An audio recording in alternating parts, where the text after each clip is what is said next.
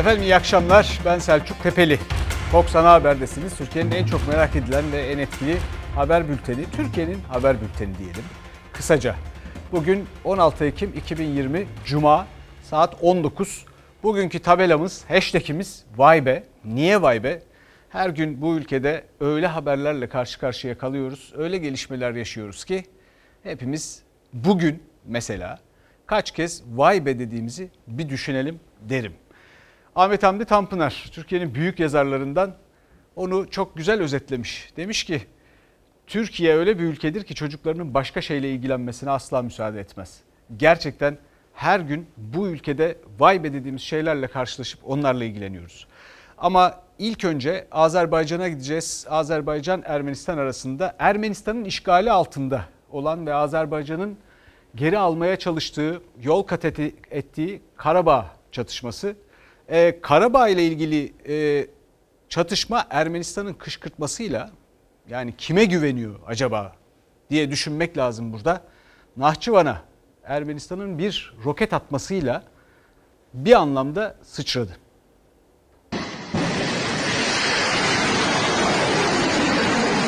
Ermenistan bu kez Nahçıvan Özerk Cumhuriyeti'ndeki Ordu Bateli'ne roketli saldırı düzenledi. Dışişleri Bakanlığı saldırıyı kınadı. Ermenistan'ın ortak sınırımız bulunan Nahçıvan Özerk Cumhuriyeti'ne yönelik saldırısı çatışmayı Azerbaycan topraklarının dışına yayma gayretinin yeni ve tehlikeli bir örneğidir. Ermenistan'ın bu tehlikeli provokasyonlardan vazgeçmesi lazımdır. Ermenistan'ın Karabağ'da işgal ettiği Kubatlı bölgesinden atılan roket boş araziye düştü. Sivil halk ya da yerleşim yerleri zarar görmedi. Nahçıvan Özerk bölgesinin sınırları 1921 yılında imzalanan ve altında Türkiye'nin de imzası bulunan Kars Anlaşması ile belirlendi. Azerbaycan'a bağlı ama Türkiye eline 17 kilometrelik sınırı var. Ermenistan şimdi de çatışmayı başka boyutlara taşıma gayretine girişmektedir. Ermenistan bu saldırgan eylemlerin sonuçlarını iyi hesap etmelidir. Ermenistan'ın ateşkese rağmen 27 Eylül'den bu yana sürdürdüğü saldırılarda 47 Azerbaycanlı sivil hayatını kaybetti. 222 kişi yaralandı. Milli Savunma Bakanlığı Azerbaycan'a her türlü desteği vermeye devam edileceğini vurguladı. Ermenistan bu saldırılarıyla bir kez daha bölgede barış ve istikrarın önündeki en büyük engel olduğunu göstermiştir. Ermenistan'daki PKK-YPG'lilerin varlığına ilave olarak Güney Kıbrıs Rum yönetiminin bir kor generalinin bölgede olduğu ve Ermeni milisleriyle PKK-YPG terör örgütü mensuplarını ve farklı ülkelerden paralı askerleri eğittiği bilgileri mevcuttur. Ermenistan'ın saldırıları karşısında Amerika Birleşik Devletleri Dışişleri Bakanı Pompeo'dan skandal bir açıklama geldi. Pompeo, Türkiye'nin Dağlık Karabağ'daki savaş ateşini körüklediğini iddia etti. Harita kıpkırmızı, vaka sayıları artıyor. Başta İstanbul olmak üzere kırmızı alarm. Şu an herhangi bir kısıtlamayı, ilave bir kısıtlamayı, sokağa çıkma yasağı gibi bir durumu asla düşünmüyoruz. Gerçekten son hız giden, yokuş aşağı frenleri boşalmış bir kamyon gibi giden bir salgın süreci e, evresine geçtik. Kamyonun önüne bir şey koymamız lazım. Avrupa salgını frenlemek için üst üste tedbirler açıklıyor. Dünya Sağlık Örgütü kısıtlayıcı tedbirlerin alınmasını, aksi takdirde ölümlerin 5 katına çıkabileceğini raporladı Avrupa için. Koronavirüs salgınının başından bu yana en yüksek günlük vakaya ulaşan Fransa, başkent Paris ve 8 büyük şehirde daha geceleri sokağa çıkma yasağı ilan etti. Almanya'da 23'ten sonra restoranlar kapanacak. Evlerde 6'dan fazla kişi bir arada olamayacak. Hastanelerde doluluk oranı artmadan, yoğun bakımlar taşmadan, ağır vaka ve ölüm oranları oluşmadan bir takım önlemler alıyorlar. Onlar işe yaramadıkça da önlemleri artırıyorlar. Türkiye'de ise 24 saat içinde 66 kişinin daha yaşamını yitirdiğini açıkladı Sağlık Bakanlığı. Ancak salgının merkezi haline gelen İstanbul için bile henüz bir tedbir açıklanmadı. Bir haftadan beri İstanbul ve Bursa başta olmak üzere ülke genelinde bir artış eğilimi olduğunu görüyoruz. Gerçek vaka sayısıyla yüzleşmeme çabası var. Biz ise açılmayı gerçekten ölçüsüz yaptık. Bunu hep söylüyorum. Bu ölçüsüz yaptığımız açılmalar bir ivme kazandırdı virusa. Bu ivmeyi almış olan virüs de tam gaz şeklinde salgını alevlendiriyor. 1 Haziran'daki yeni normal hayata geçiş süreci ve özellikle Kurban Bayramı'nda salgının merkezi haline gelmiş olan İstanbul'dan tüm Türkiye'ye yayılmıştı virüs. İstanbul'da vaka sayıları azalırken Anadolu'da artmaya başladı. Ama son bir haftada durum tersine döndü. Okulların açılması ve uzmanlara göre yeterli tedbirlerin alınmaması sebebiyle İstanbul'da harita yeniden kırmızıya büründü. Yamalı bohça pandemisi. Eğer siz toplumdaki salgın düzeyini istenilen şekilde kontrol etmezseniz bir yer başlar, bir yer kapanır, bir yer başlar, bir yer kapanır ama hiç bitmez salgın. Alınan tek tedbirse önceden haber verilen denetimler oldu yine. 81 ilde maske, dükkanlarda toplu ulaşımda mesafe ve hijyen denetimi vardı. Enfeksiyon hastalıkları uzmanı Profesör Doktor Esin Şenol'a göre gelinen noktada çok daha ciddi önlemlerin devreye girmesi gerekiyor. Sahada salgın o kadar yüksek düzeyli seyrediyor ki sokağa çıktığınız an böyle mayın tarlasına basmış gibi kendinizi korumanız çok mümkün olmuyor doğrusu. Şimdi bu ciddi bir mesele ve bununla ilgili haftalardır biz uyarmaya çalışıyoruz. Biliyorsunuz demiştik demeyi ben seviyorum. Bu önemli bir konu çünkü bir yandan da burada yapılmaması gereken bir şey varsa şeffaf olmamaktı. Çünkü bu virüs siyaseti filan tanımıyor. Bu virüsün önüne geçmenin yolu herkesle bilgileri, doğru bilgileri paylaşmaktı ki o iletişim kanalı açık kalabilsin ki insanlar kulaklarını tıkamasınlar. Ama bu yapılmadı. Sonra yapılmaması gereken başka bir şey daha yapılmadı. O da sağlıkçıları mutsuz etmek. Sağlık çalışanlarını mutsuz etmemek gerekir. Niye? Çünkü onlar bizim bu mücadeledeki gerçekten vazgeçemeyeceğimiz insanlar, vazgeçemeyeceğimiz askerler, savaşçılar. Ama söz verilenler yerine getirilmedi. Evet, onlarla ilgili protestolarla sürekli vakit kaybediyorlar. Bunu yapmak zorunda hissediyorlar. E, sağlık çalışanlarını, doktorları meşgul etmeyin ya. Koronavirüs salgınında yitirdiğimiz hekimler ve sağlık emekçileri için bir dakikalık saygı duruşuna davet ediyorum. Tek bir gündemimiz var. Covid ve ölüyoruz. Yetkililerin gündemi de bu olmalı ve gereken bütün tedbirleri almalılar. 50'si doktor, 110 sağlık çalışanı koronavirüs nedeniyle hayatını kaybetti. Sağlıkçılar yoğun mesailerinden ayırabildikleri dakikalarda da seslerini duyurmaya çalışıyor. Bir kez daha çalışma şartlarına ve söz verildiği halde alamadıkları haklarına dikkat çektiler. Son 7 günde 7 hekimimizi kaybetmiş bulunmaktayız. Bunlardan bir tanesi de Aydın Tabip Odası Başkanımız Esat Ünlü. Bu kayıplar sadece rakam değil. Bunlar birer eş, baba, anne, kardeş. Doktorlardan, sağlık çalışanlarından gelen ölüm haberlerinin ardı arkası kesilmiyor. Yine koronavirüs yüzünden hayatını kaybeden bir doktora anmak için toplandı sağlıkçılar. Ama pandemide en ön safta yer almalarına ve kayıplarına rağmen ne yazık ki sorunları hala çözülemedi. Görüyoruz ki koronavirüs pandemisi salgını iyi yönetilemiyor. Bunun bedelini bizler ödüyoruz. Toplum ödüyor.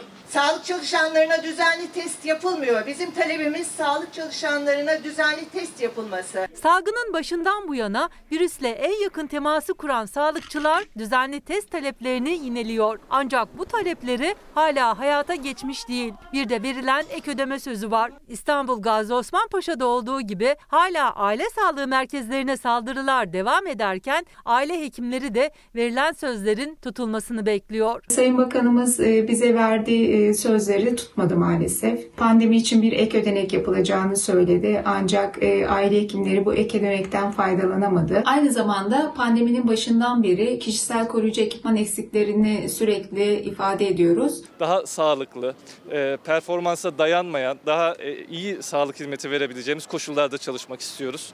Performans sisteminin, bu var olan döner sisteminin insani olmadığını, sabit bir gelir üzerinden, yaşanabilir bir sabit gelir üzerinden daha sağlıklı ortamlarda çalışmak istediğimizi söyleyebilirim.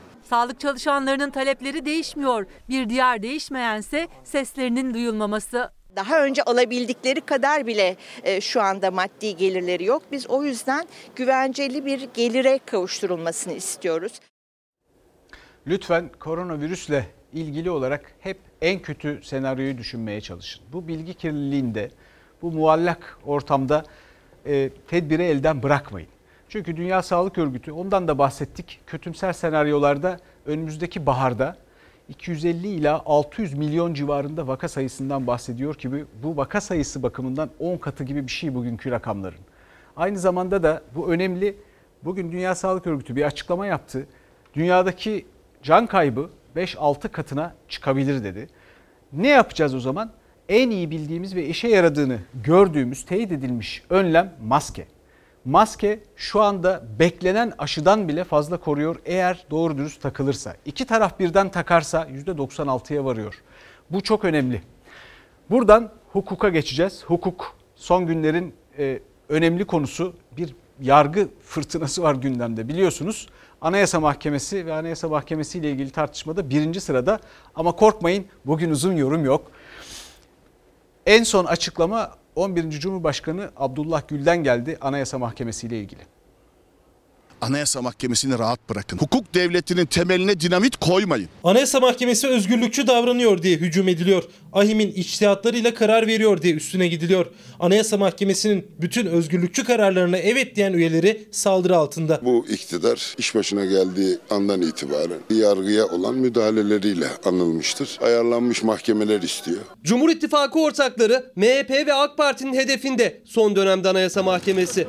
Muhalefet itibarsızlaştırma çabası derken mevcut üyelerin 8'ini atayan 11. Cumhurbaşkanı Abdullah Gül tartışmaya katıldı. T24'ten gazeteci Murat Sabuncu'ya konuştu. Anayasa Mahkemesi özgürlükçü kararlar aldığı için saldırıya uğruyor dedi. Anayasa Mahkemesi'ni bugün yerden yere vurmayı hayretle karşılıyorum. Anayasa Mahkemesi ülke için bir sigorta. Yürütme, idare, hükümetler yanlışlar yapabilirler. Bunun Anayasa Mahkemesi tarafından düzeltilmesi hükümetlerin de işine gelir. Bu kıymeti bilmek lazım. Ben anlamıyorum. Bu ülkeyi nereye götürmek istiyor? Anayasa Mahkemesi. İçişleri Bakanı Süleyman Soylu'nun sözlerini MHP lideri Bahçeli'nin çıkışı izledi. Bahçeli, AYM'nin yapısı değişmeli, Cumhurbaşkanlığı hükümet sistemiyle uyumlu bir yüksek mahkeme kurulmalı dedi.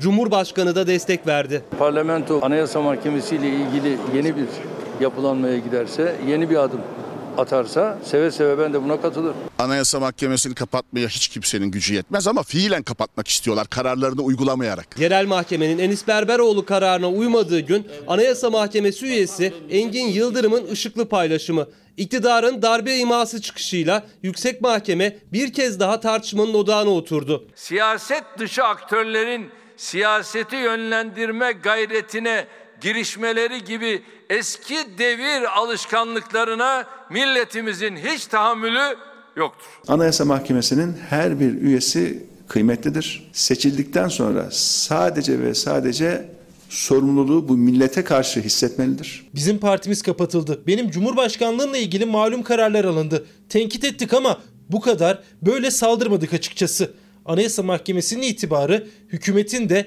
Türkiye'nin de itibarıdır. 11. Cumhurbaşkanı Abdullah Gül, FETÖ kumpas davalarının mağduru pek çok ismin eski Genelkurmay Başkanı İlker Başbuğ'un cezaevinden Anayasa Mahkemesi sayesinde çıktığını hatırlattı. Kurumun tartışılması ülkenin zararına dedi.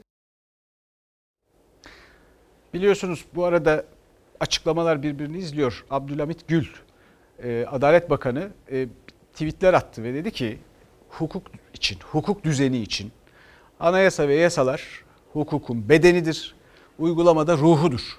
Bu e, mesajlar, bu tweetler önemli. Anayasal düzen ve hukuk devletindeki hasarları, bütün bu zaman zarfında oluşan hasarları tamir etmezsek bu ülkenin motoru yanar. Aman dikkat edelim. Bu arada bir başka tepki var. Enis Berberoğlu kararı ile ilgili bu tartışmaların kaynağı oradan biliyorsunuz. İstanbul 14. Ağır Ceza Mahkemesi'nin Anayasa Mahkemesi kararını tanımamasından dolayı e, Kemal Kılıçdaroğlu da e, yargının iflası dedi bunun için.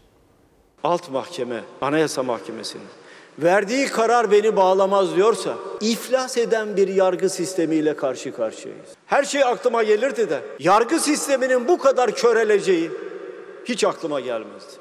Anayasa Mahkemesi'nin Enis Berberoğlu kararına direnen 14. Ağır Ceza Mahkemesi vardı hedefinde Kılıçdaroğlu'nun. CHP lideri yerel mahkeme anayasayı ihlal etti derken aynı dakikalarda Adalet Bakanı'nın anayasa vurgusu dikkat çekti. İstanbul 14. Ağır Ceza Mahkemesi topluma şu mesajı veriyor. Anayasa ve yasalar bizi bağlamaz. Biz gücümüzü anayasadan değil saraydan alıyoruz. Anayasa ve yasalar hukukun bedeni, uygulamada hukukun ruhudur. Adalet Bakanı Abdülhamit Gül sosyal medya hesabından anayasanın uygulanması gerektiğine ilişkin bu önemli mesajı paylaştı. Tam da Berberoğlu ile ilgili bir üst mahkeme olan 15. Ağır Ceza Mahkemesi'nden karar beklenirken. Anayasanın ilgili maddeleri çok açık.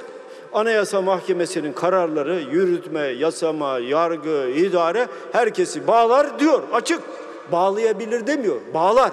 Bitti. Siyasi tartışmadan ziyade e, hukuki bir tartışmadır. Hukuk içerisinde bunun neticeleri alınır. İtiraz etmesi gereken ilk kişi meclis başkanıdır. Meclis başkanının sesi çıkıyor mu? Çıkamaz. O da talimatı saraydan alır. Hakimler Savcılar Kurulu'ndan bir tepki gördünüz mü? Hayır. Niçin? Onlar da talimatı saraydan alıyorlar. CHP lideri yargı siyasetin vesayeti altında derken AK Parti konu siyasetin değil yargının diyerek tartışmadan uzak durmaya gayret gösteriyor. Kılıçdaroğlu AYM kararına uymayan 14. ağır cezanın topluma mesaj verdiğini söylüyor. Hukukun üstünlüğü ve vicdani kanaat bizde yoktu. Milletvekilinin yeniden dokunulmazlık kazanması da bizi bağlamaz. Biz yasama organının üyesini Anayasa Mahkemesi'nin kararına rağmen mahkum ederiz diyor. Geçmişte de bunun örneği Şahin Alpay ile ilgili de vardı. İstanbul 14. Ağır Ceza Mahkemesi bizim anayasayı ihlal etmemiz hakimler ve savcılar kurulunca sorgulanamaz. Biz hukuk devletinin değil şahsım devletinin hakimleriyiz. Saraya yaptığımız hizmetler dolayısıyla üst makamlara atanmayı bekliyoruz diyor. CHP liderinin bu açıklamayı yaptığı gün resmi gazetedeki bir atama da çok konuşuldu. Osman Kavala hakkında casusluk suçlamasıyla iddianame hazırlayan İstanbul Başsavcı Vekili Hasan Yılmaz Adalet Bakanı yardımcılığına getirildi. HSK Başkan Vekili sıfatıyla da hakim ve savcı atamalarından sorumlu birinci dairenin de başkanı olacak. Şimdi vay be dediğimiz habere geleceğiz. Türkiye'nin gördüğü en büyük casusluk davasıydı biliyorsunuz, hatırlıyorsunuz. Aylarca, yıllarca konuşuldu. Kozmik Oda'ya girilme, Kozmik kumpası davası. Burada e, devletin sırlarının casuslukla e, alınması ile ilgili bir dava vardı. Ve orada öyle şaşırtıcı kararlar çıktı ki yani meğer Türkiye'nin gördüğü en büyük casusluk davasında casus yokmuş. Hadi lütfen, lütfen geriye çıkalmayın. Biz Kozmik Oda'dan doğrusu çok ciddi bir karar çıkacağını düşünüyorduk. Daha fare doğurdu. Kozmik Oda yargılamasından e, kocaman bir fiyasko çıktı. Türkiye'nin en mahrem odasına girildi. Bilgiler alındı, bellekler yok edildi. Yıllardır devam eden FETÖ'nün Kozmik Oda kumpası davasında karar çıktı. 54 sanık beraat etti. 28 sanığa ise örgüt üyeliğinden 2 yılla 10 yıl arasında cezalar verildi. Bir numaralı şüpheli eski Genelkurmay Müşaviri Muharrem Köse'ydi. Devletin gizli kalması gereken bilgilerini siyasi ve askeri casusluk maksadıyla temin suçundan yargılanıyordu. O da delil yetersizliği nedeniyle beraat eden isimlerden oldu. Hiçbir sanık casusluktan ceza almadı. Bir bakıyorsunuz e, devletin e, en önemli kozmik odasını FETÖ çetesi açmış ve onun içerisinde işte bunun bu açma emrini veren Muharrem Köse var. Bunların çoğu berat ediyor. Akıl ve sır ermiyor bunu söyleyeyim. Zaten Türkiye yargısının kesinlikle çivisi çıktı. Arı kovanla çomak soktuğumuzu düşünüyorum. 19 Aralık 2009'da bir albay ve binbaşının o dönem başbakan yardımcısı olan Bülent Arınç'ın evinin çevresinde suikast için keşif yaptığı iddiasıyla başladı soruşturma. En gizli bilgilerin tutulduğu Türk Silahlı Kuvvetleri'nin kozmik odasında arama yapıldı. Buraya girilmesin. Evet. Doğru değil. Niye doğru değil? Yasaya aykırı. Yani neticede girilmesin uygun olacağı kanaat. Girilmesinin. Evet, girilmesin. Başbakan girilsin dedi, Girilmesin. girildi. Ya yetişin bana suikast yapacaklar gibi ağzımdan hiçbir kelime çıkmadı. Senaryoyu hazırlamışlar. Bu senaryo icra edilmiş ama benim dışımda. Yıllar sonra suikast iddiasının gerçek olmadığı, kozmik odaya giren savcıların da FETÖ'cü oldukları ortaya çıktı. Dava süreci başladı. Eski Genelkurmay Adli Müşaviri Muharrem Köse ile birlikte birçok sanık casuslukla suçlanıyordu. Delil bulunamadı, beraat ettiler. Kozmik Oda gibi bir olay var ve bu Kozmik Oda e, içerisinde bulunan devletin en önemli sırları Türk Silahlı Kuvvetler tarafından tutulmuş olan bilgiler dışarıya servis edilmiş. Bilgi çubukları veya flash bellekler yok edilmiş. Yani bütün bunlara rağmen bu emri veren Genelkurmay'daki işte Muharrem Köse başta olmak üzere bu kişilerin berat etmesine doğrusu bir anlam veremedik. Yıllarca tartışılan, hala önemli şüpheleri beraberinde getiren kozmik odaya girilmesine ilişkin 28 sanık ceza aldı.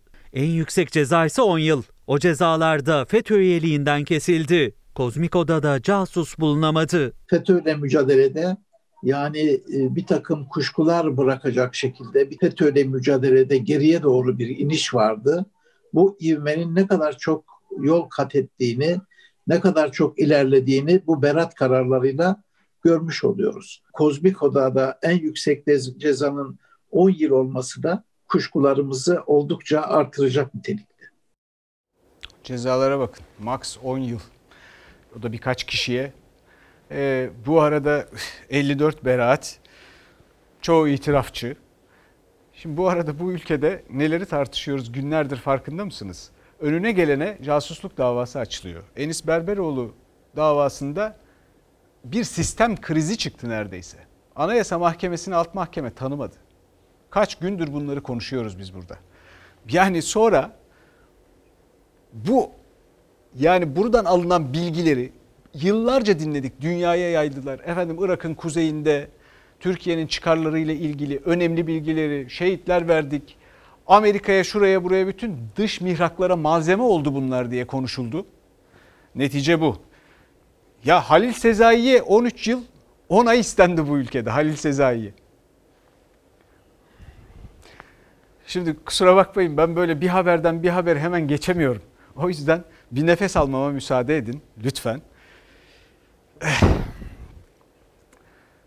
Biliyorsunuz bir e, baro seçimlerini yapılmaının önünde e, İçişleri Bakanlığı genelgesiyle bu e, salgın nedeniyle önlemler çerçevesinde izin verilmemişti. Bazı barolar e, itirazda bulundular ve İzmir ve Muğla'da itirazları kabul edildi. Mahkemeler dediler ki siz genel kurullarınızı, seçimlerinizi yapabilirsiniz.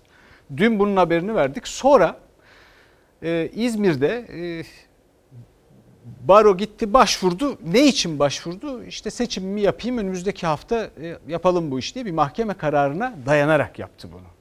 Ama ilçe seçim kurulu reddetti, izin vermedi, vakit yok dedi, salgın var dedi, şu dedi, bu dedi.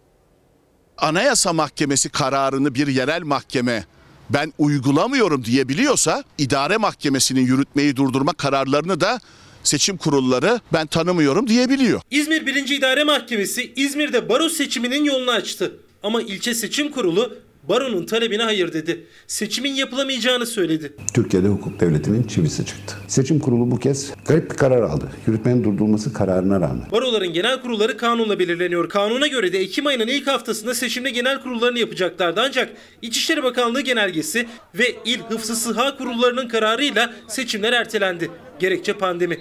Buna rağmen Yüksek Seçim Kurulu siyasi partilerin il ilçe kongrelerinin yapılabileceğine hükmetti. 1000 üyesi, 2000 üyesi, 3000 üyesi olan siyasi partiler kongrelerini yapabiliyor. 100 üyesi, 150 üyesi olan barolar genel kurullarını yapamıyor. Yasal olarak doğru bir iş olduğu kanaatinde değiliz. Baskıcı bir uygulamadır. Önce Muğla 3. İdare Mahkemesi Hıfzı Sıha Kurulu kararıyla seçim ertelemek kanuna aykırı dedi.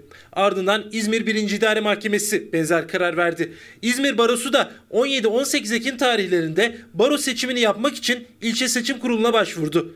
Mahkeme kararına rağmen red yanıtı aldı. Tüm üyelere yeniden ulaşmak ve kısa süre içerisinde duyuru yapmak hem yasal hem de uygulama yönünden mümkün olmadığından erteleme kararı verilen bir seçimin kaldığı yerden işlemlerinin devamına yasal olanak bulunmamaktadır. Katılım konusunda gerekli ilanların yapılması mümkün değil bu saatten sonra. Çok da yaklaştı. O yüzden ben yapmıyorum. Eğer siz genel kurulu yapmak istiyorsanız yeniden süreci başlatın. Hukuki mi? Asla değil. Bir mahkemenin verdiği yürütmenin durdurulması kararı var. Ve sen seçimi yapmak zorundasın. Yani şu anda açıkça suç işliyorlar. İzmir Baro Başkanı Özcan Yücel, ilçe seçim kurulunun hukuku hiçe saydığını söyledi. Mahkemenin yasal dediğine, ilçe seçim kurulunun yasak demesine muhalefet de tepkili. Türkiye Barolar Birliği seçimini kazanmak uğruna yargının kurucu unsuru olan savunmaya, barolara bu derece zarar vermek adalete ihanettir. Bu hayatımızı çok ciddi biçimde etkileyecek bir durumdur. Bakın bu yargıdaki kararlardaki standart bozukluğu, Yani bir kalibrasyon bozukluğu var ki bu o kadar önemli bir mesele ki hiçbir istikrar yok. Nereden ne karar çıkacak? Hangi suçlama? Niye? Hangi mahkeme nasıl karar verecek? Kanunlar belli, yorumlar farklı. Bir mahkeme şöyle yorumluyor, öbürü böyle yorumluyor. Bu arada böyle salgın gibi tümüyle bilimsel bakılması gereken ve hayatımızla ilgili konular da bunlara böyle bu barolarda olduğu gibi zaman zaman bir şekilde bahane ediliyor. Bu işte sözün gücünü yıpratır. Çok isimlerden bahsetmek istemem ama benim değil söz onun içinde bahsetmek zorundayım. Bir yaşayan filozof var adı Jürgen Habermas. Diyor ki sözün gücü kalmazsa hiçbir şey anlatamazsınız. Sözün gücünü tekrar kazanması için en önemli şey özgürlük ve sorumluluktur. Bu ikisinin dengesinde sözün gücü yerine gelir. Bu, bizde şu anda sözün gücü yok farkında mısınız? Bu çok önemli bir mesele. Bu arada da meclise gidelim. Mecliste bugün çok ilginç bir tartışma vardı. Ee, bu tartışma, bu atışma e, işte iktidar bloğuyla e, HDP arasında, Saruhan Uluç arasında Kobane olayları eş genel başkanınızın PYD'yi biz arkamıza aldık diye ifadeleri biliniyorken kendinizi meşru bir hareket olarak göstermeye çalışmak safsatadan ibarettir. Siz Cumhur İttifakı'ndaki ortağınıza soracaksınız. Diyeceksiniz ki Salih Müslim PYD eş genel başkanı iken ona kırmızı pasaportu neden verdiniz? Soracaksınız. Salih Müslim'in kapıları açıp Diyarbakır'a, Ankara'ya gelmesini neden sağladınız soracaksınız. Kobani olayları soruşturması kapsamında HDP'lilerin tutuklanmasıydı gündem meclisi. HDP 6-8 Ekim olaylarının araştırılması için önerge verdi. MHP, terör örgütü PKK ve PYD ile işbirliği suçlaması yöneltince arşivler açıldı. HDP Grup Başkan Vekili Saruhan Uluç 6-8 Ekim olaylarından sonra yaşananları hatırlattı. İttifak ortağınıza soracaksınız. Yine o zaman PYD eş başkanı olan Asya Abdullah'ın Diyarbakır'da Nevroz mitingine gelip konuşma yapmasına neden izin verdiniz diye soracaksınız. Teröristlerle beraber olduğunuzun her şekilde biliniyor olmasına rağmen saklamaya çalışmanın bir anlamı yok. 9 Ekim'den sonra 29 Ekim'de sınırdan içeri peşmergeler girdiler. 80-100 konvoyluk bir araçla Kobani'ye gittiler ve askeri teçhizatla gittiler. Neden izin verdiniz diye bize değil önce iktidar ortağınıza soracaksınız. Milliyetçi Hareket Partisi yanlış gördüğü ne varsa her zaman söylemiştir. Bizim için Ahmet Davutoğlu o eylemler sürecinde Serok Ahmet olmuştur. HDP'nin ittifak ortağınıza sorun çıkışına MHP Ahmet Davutoğlu'na hedef alarak yanıt verdi. Bülent Turan'ın Kobane olaylarından HDP'yi suçlayan sözleri sonrası AK Parti HDP karşı karşıya geldi bu kez. 6 Ekim sürecinden birkaç gün önce Öcalan'ın, ardından Bese Hozat'ın, ardından Murat Karayılan'ın, ardından Cemil Bayık'ın sokağa çıkın daveti var. Hemen ardından HDP'nin davet var. 9 Ekim sabahı İmralı'dan Öcalan'ın herhangi bir provokasyona asla gelinmemelidir ve provokatörlerden uzak durulmalıdır mesajını siz getirdiniz. Öcalan nasıl vermiş o bildiriyi? Size sormalı. Nereden nasıl verilmiş? 9 Ekim'de getirdiniz efendim. 9 Ekim'de Diyarbakır'da bunu Selahattin Demirtaş çıktı okudu. O zaman da bu zamanda yapılan her şey kan akmasa yapılmış Sayın Başkan. Kobani tartışması 6 yıl önce yaşananlarla bir kez daha meclis tutanaklarına girdi. Ben iktidar bloğu mensuplarının yerinde olsam cevabını bilmediğim soruları sormamaya gayret ederdim. Çünkü sonra böyle eski defterler açılıyor işte. Türk Tabipler Birliği siyasetten, hükümetten, Ankara'dan gelen eleştirilere yanıt verdi. Terör örgütünden birisini getirip Türk Tabipler Birliği'nin başına koyuyorlar. Ne zamandan beri terörle iç içe olanlar Tabipler Birliği gibi önemli bir kuruluşun başına geçebiliyor. Anayasal güvence altında olan bir meslek kurumunu ve hekimlik mesleğini hedef alan bir açıklamadır. Asıl hedefinde hekimler ve onların örgütlülüğünü yıpratma, ortadan kaldırma çabaları olduğu çok açıktır. Cumhurbaşkanının yeni başkanını terörle işbirliğiyle suçladığı Türk Tabipleri Birliği iki gün sonra açıklama yaptı. Erdoğan'ın sözleri için hekimlik mesleğini hedef alıyor dedi. Nasıl bunlardan şifa arayacağız? Teröristten bu beklenir mi? Pandemide saklanan gerçekler, nöbet yoğunluğu, aşırı hasta sayıları, çalışma koşulları, ekonomik sorunları dile getirmek, siyaset yapmaksa evet biz sağlıklı olma halinin siyasetini yapacağız. Türk Tabipler Birliği kimi meslek kuruluşları açıkça anayasaya aykırı faaliyet içindedir. Çoklu baro sisteminde yapıldığı gibi aynı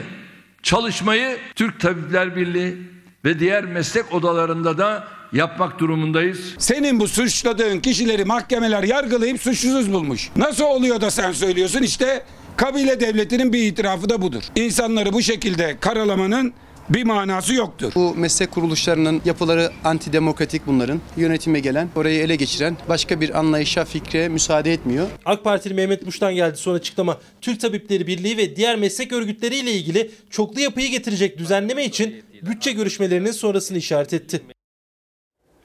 Borçların yapılandırılmasından insanların cebine kadar çok önemli haberler var şimdi sırada. Bir reklam arası var sonra beraberiz. İşsizlik çok önemli bir mesele. İstihdam çok önemli. Hepimizin işe ihtiyacı var ve hayatımızı sürdürmek zorundayız. Planlamak zorundayız. Çoluğu çocuğu var insanların. Meclise gelen bir istihdam paketi var. Bu da çok önemli. Fakat Çalışma Bakanı Zehra Zümrüt Selçuk bu paketten bahsederken öyle bir şey söyledi ki işsizlik maaşı alanlar e, iş aramaktan vazgeçiyorlar dedi.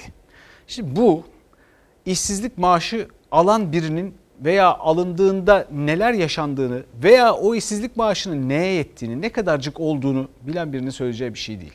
Bu arada o işsizlik maaşı için, o fon için hepimizden maaşlarından paralar kesiliyor. Yani Sayın Selçuk'un cebinden çıkmıyor bu para. O yüzden bu sistemi anlamak benim açımdan mümkün de değil. E bir yandan da bakmakla görmek farklı şeyler. Acaba bakan göremiyor mu? İnsanlar iş aramıyor diyorlar. Ben dışarıdayım şu anda bakın. İş aramıyor demeleri geçiştirme, bahane. İşsizlik ödeneği alanlar 6 aydan sonra iş aramaktan vazgeçiyor ve kronik işsize dönüşüyor. Acaba o 6 aylık maaş yüzünden değil de 7. ay iş bulamadığı için insanlar kronik işsizlik e, oluşuyor olmasın? Sorun iş bulamıyor olmak. Türkiye'de işsizliğin sebebi işsizlik ödeneği ise yandık biz yani. Kronik işsizliğin sebebini işsizlik maaşı alanların iş aramayı bırakması olarak yorumladı Çalışma Bakanı Zehra Zümrüt Selçuk. Bakan ilk kez işsizliğin kronik yani uzun süredir çözüm getirilememiş bir sorun olduğunu kabul etti. Ancak uzmanlara göre sebebini doğru tayin edemedi. Çünkü ekonomistler de işsizler de işsizliğin sebebini iş aramamaya değil iş olmamasına bağlıyor. Yok hayır ben aradım. Tabii ki bu süreçte ben de iş aramaya devam ettim. Bu çalışan insanlar iş ararlar, bulamıyorlarsa tembelliklerinden ya da işsizlik ödeneğinden değil, iş olmadığındandır. Yeni istihdam paketi mecliste Çalışma Bakanı da detaylarını anlatırken hızlı işe dönüş desteği diye bir formülün devreye gireceğini söyledi.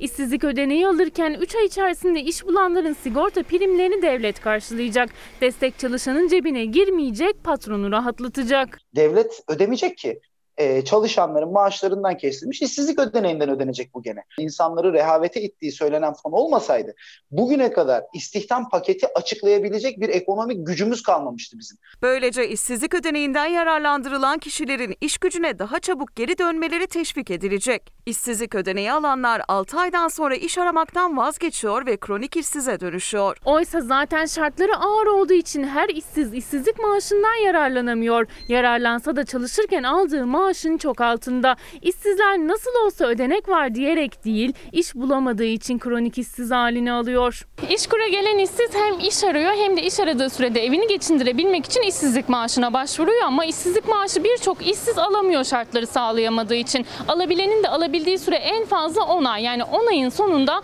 yeniden geliri kalmıyor işsizin. İş zaten bir var bir yok. Başvurduk bakalım ne olacak. Ne zamandır sigortalı düzenli bir işiniz yok? Uzun zaman oldu diyeyim size. Yani yıl yıl diyeyim, ay değil de yıl diyeyim yani. İş gücünden çıkmalarının nedeni e, aslında işsizlik ödeneği değil, ekonomik ortamdır. Engelli bireyim, organ yetmezliğim var. Ben neyle geçineceğim bilemiyorum. İknur Camış da engelli ve organ yetmezliği var koronavirüs döneminde risk grubunda. Evde olması gerekirken kronik işsiz sayılmasın diye sokakta iş arıyor. Ben neden şu anda kendimi izole etmem gerekirken neden sokaktayım? Geçim sıkıntımsından dolayı sokaktayım.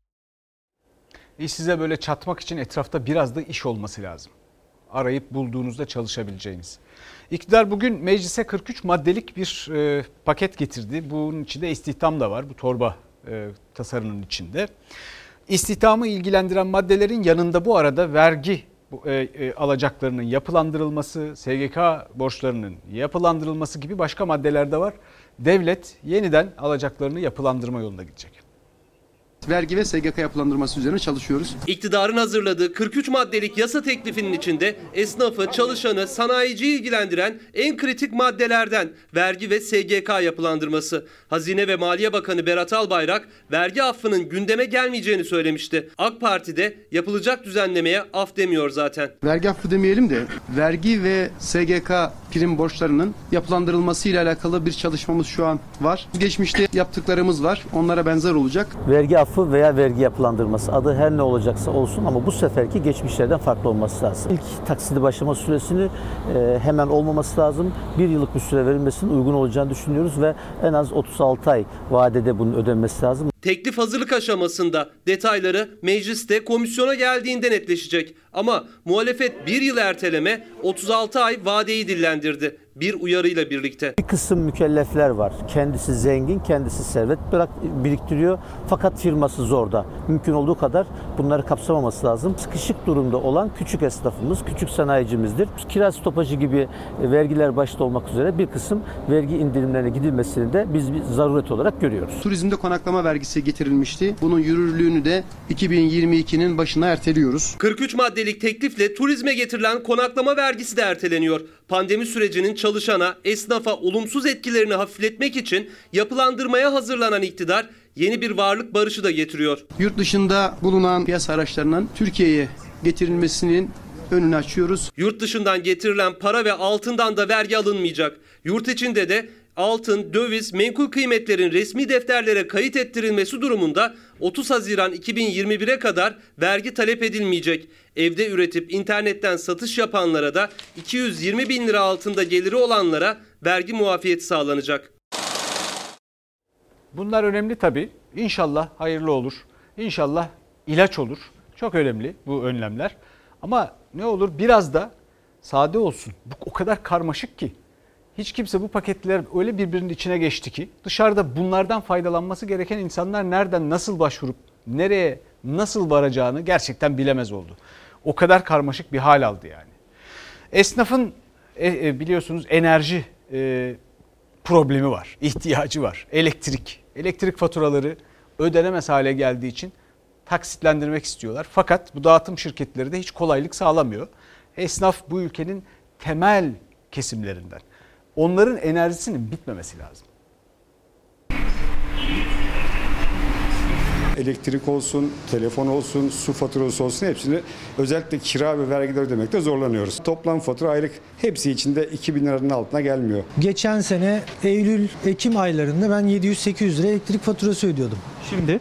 2400. Esnaf gerçekten e, klasik bir ifade olacak ama kan ağlıyor yani. Bir hastayı düşünün fişe bağlanmış şu anda bizim fişimizin çekilmesi noktasındayız. Nefes alacak halimiz de kalmadı. Uzun süre dükkanını açamayan esnaf şimdi de biriken fatura borçlarıyla mücadele etmeye çalışıyor. Kimi esnaf zor da olsa ödedi. Ödeyemeyen en azından elektrik borcuna taksit yaptırmak yani biraz nefes almak istedi ama dağıtım şirketleri bunu kabul etmedi. Param yok. Ödeyecek durumum yok. Zaten ödeyecek durumum olsa bu konuya muhatap bile olmam. Gider gereğini yapar öderim. Bu mekanlar kolay kurulmuyor. Burada çalışan istihdam olan insanlar kolay yetişmiyor. Özcan Soyöz İstanbul Bakırköy'deki bu kafeteryayı Mart ayından önce devraldı. İşler iyiydi ancak salgınla birlikte işler azaldı. İşler azalınca fatura borçları birikti. Özellikle de elektrik. Özcan Soyöz düşük miktardaki elektrik faturalarını ödedi ama yüksek miktardaki faturaları ödeyemedi. Bağlı bulunduğu elektrik dağıtım şirketine gitti, taksitlendirme talep etti ve iddiasına göre bu talebine olumsuz yanıt aldı. 4000 lira civarında bir faturamız var.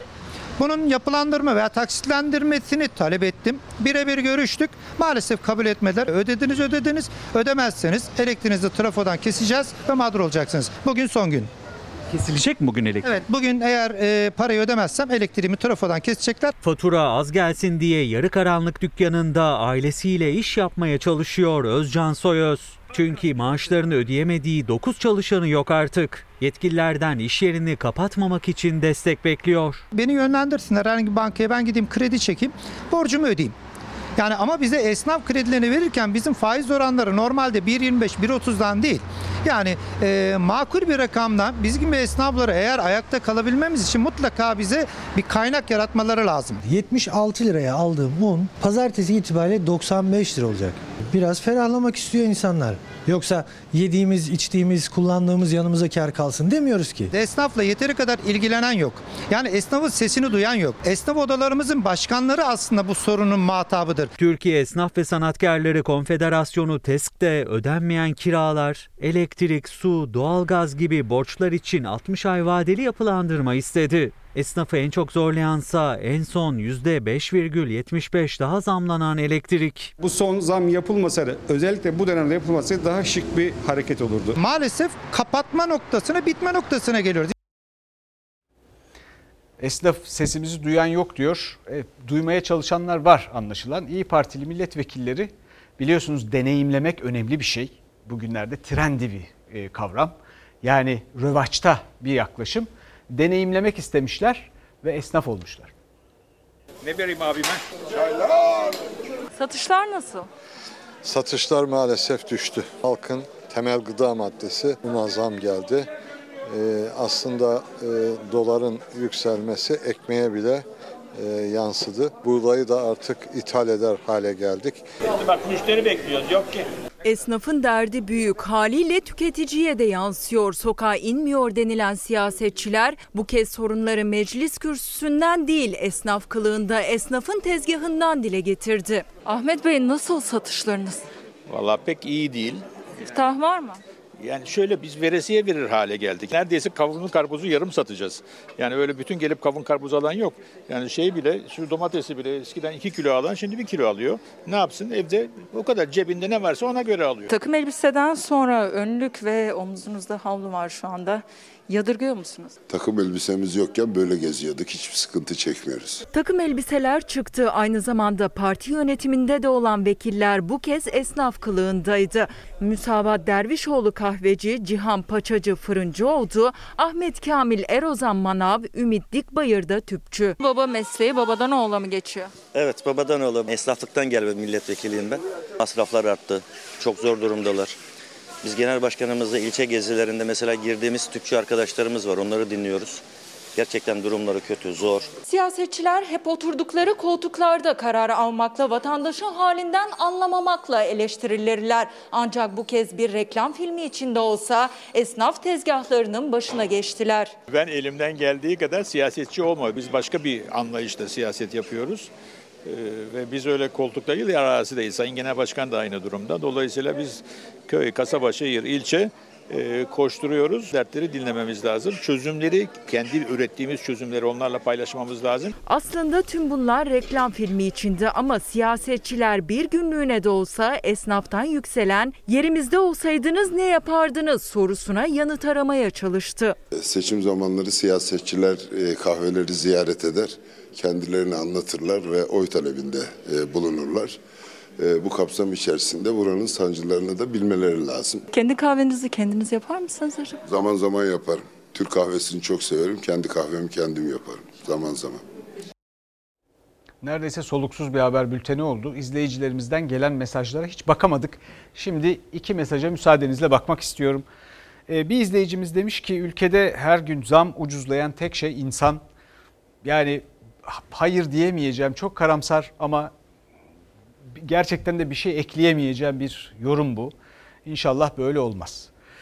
Ee, inşallah düzelir. Bu arada bir başka izleyicimiz demiş ki sürü bağışıklığı politikasını e, benimsedi galiba büyüklerimiz. Yani ölen ölür, kalan sağlar bizimdir. Allah korusun.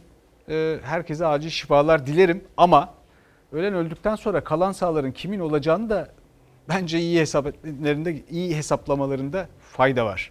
Bu arada Sağlık Bakanlığı bir Sağlık Bakanı bizzat kendisi e, kısa süre önce açıklama yaptı. 5 ilde İstanbul, Bursa, Kocaeli, Denizli, Maraş için vaka riski artış uyarısı yaptı.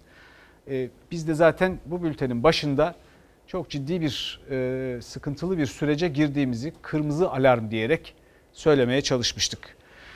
Şimdi bir başka habere gideceğiz. Bu haber e, devlet demir yolları ile ilgili. Son birkaç haftada arka arkaya can kaybı da yaşanan yük treni kazaları meydana geldi. Onun öncesindeki yıllarda da hala unutamadığımız içimizde büyük derin yaralar açmış tren kazalarını hatırlıyoruz.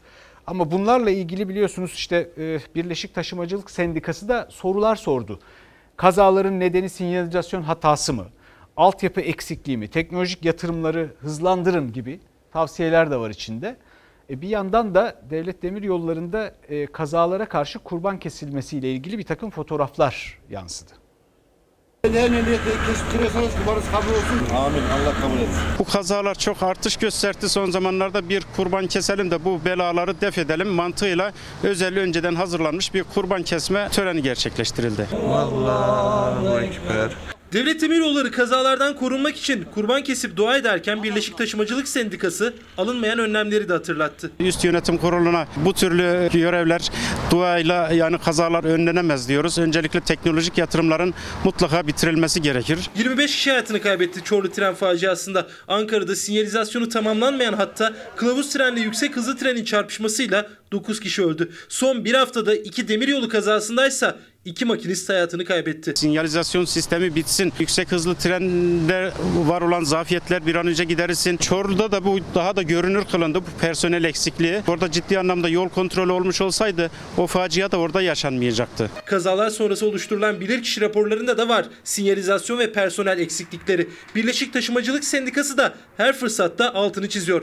Son kazaların ardından da tartışma sürerken Demiryolu yönetiminin rayların üzerinde kurban kestiği, dualar ettiği görüntüyü paylaştı sendika. Sadece duayla kaza önlenemez dedi. Sorunların çözümü için önerilerimizi de götürüyoruz ama bu türlü yol ve yöntemlere artık e, müracaat ediyorlar. Çözümü dua etmekte buluyorlar. Gerçekten endişeliyiz bir taraftan da. Kurşun da dökün raylara, sirkeli sularla sildirin. Her vagona nazar doğası da asın ama sakın eleman almayın. Sinyalizasyon zaten olmasa da olur. Meteorolojiye gerek yok. Akıllı telefonlarla takip ediyorsunuz nasıl olsa. Bilim ve teknoloji de neymiş? Çorlu'daki faciada hayatını kaybeden Oğuz Ardesel'in annesi de böyle tepki gösterdi. Devlet Demiryolları yönetiminden henüz bir açıklama yok. Bu güzel bu güzel ülkenin değerli kıymetli insanları. Bugün bir dakika yok. Neden? Çünkü bugün çocukluk dizisi var yeni bölümüyle. Erdal Beşikçioğlu gibi uluslararası kı- kıvamda kalitede oyun, bir oyuncumuz için bence feda olsun. Çok da güzel bir dizi. Yeni bölümüyle birlikte bizden sonra e, sizinle birlikte olacak. Efendim bu akşamlık bu kadar. İyi akşamlar. İyi hafta sonları. Pazartesi görüşmek üzere.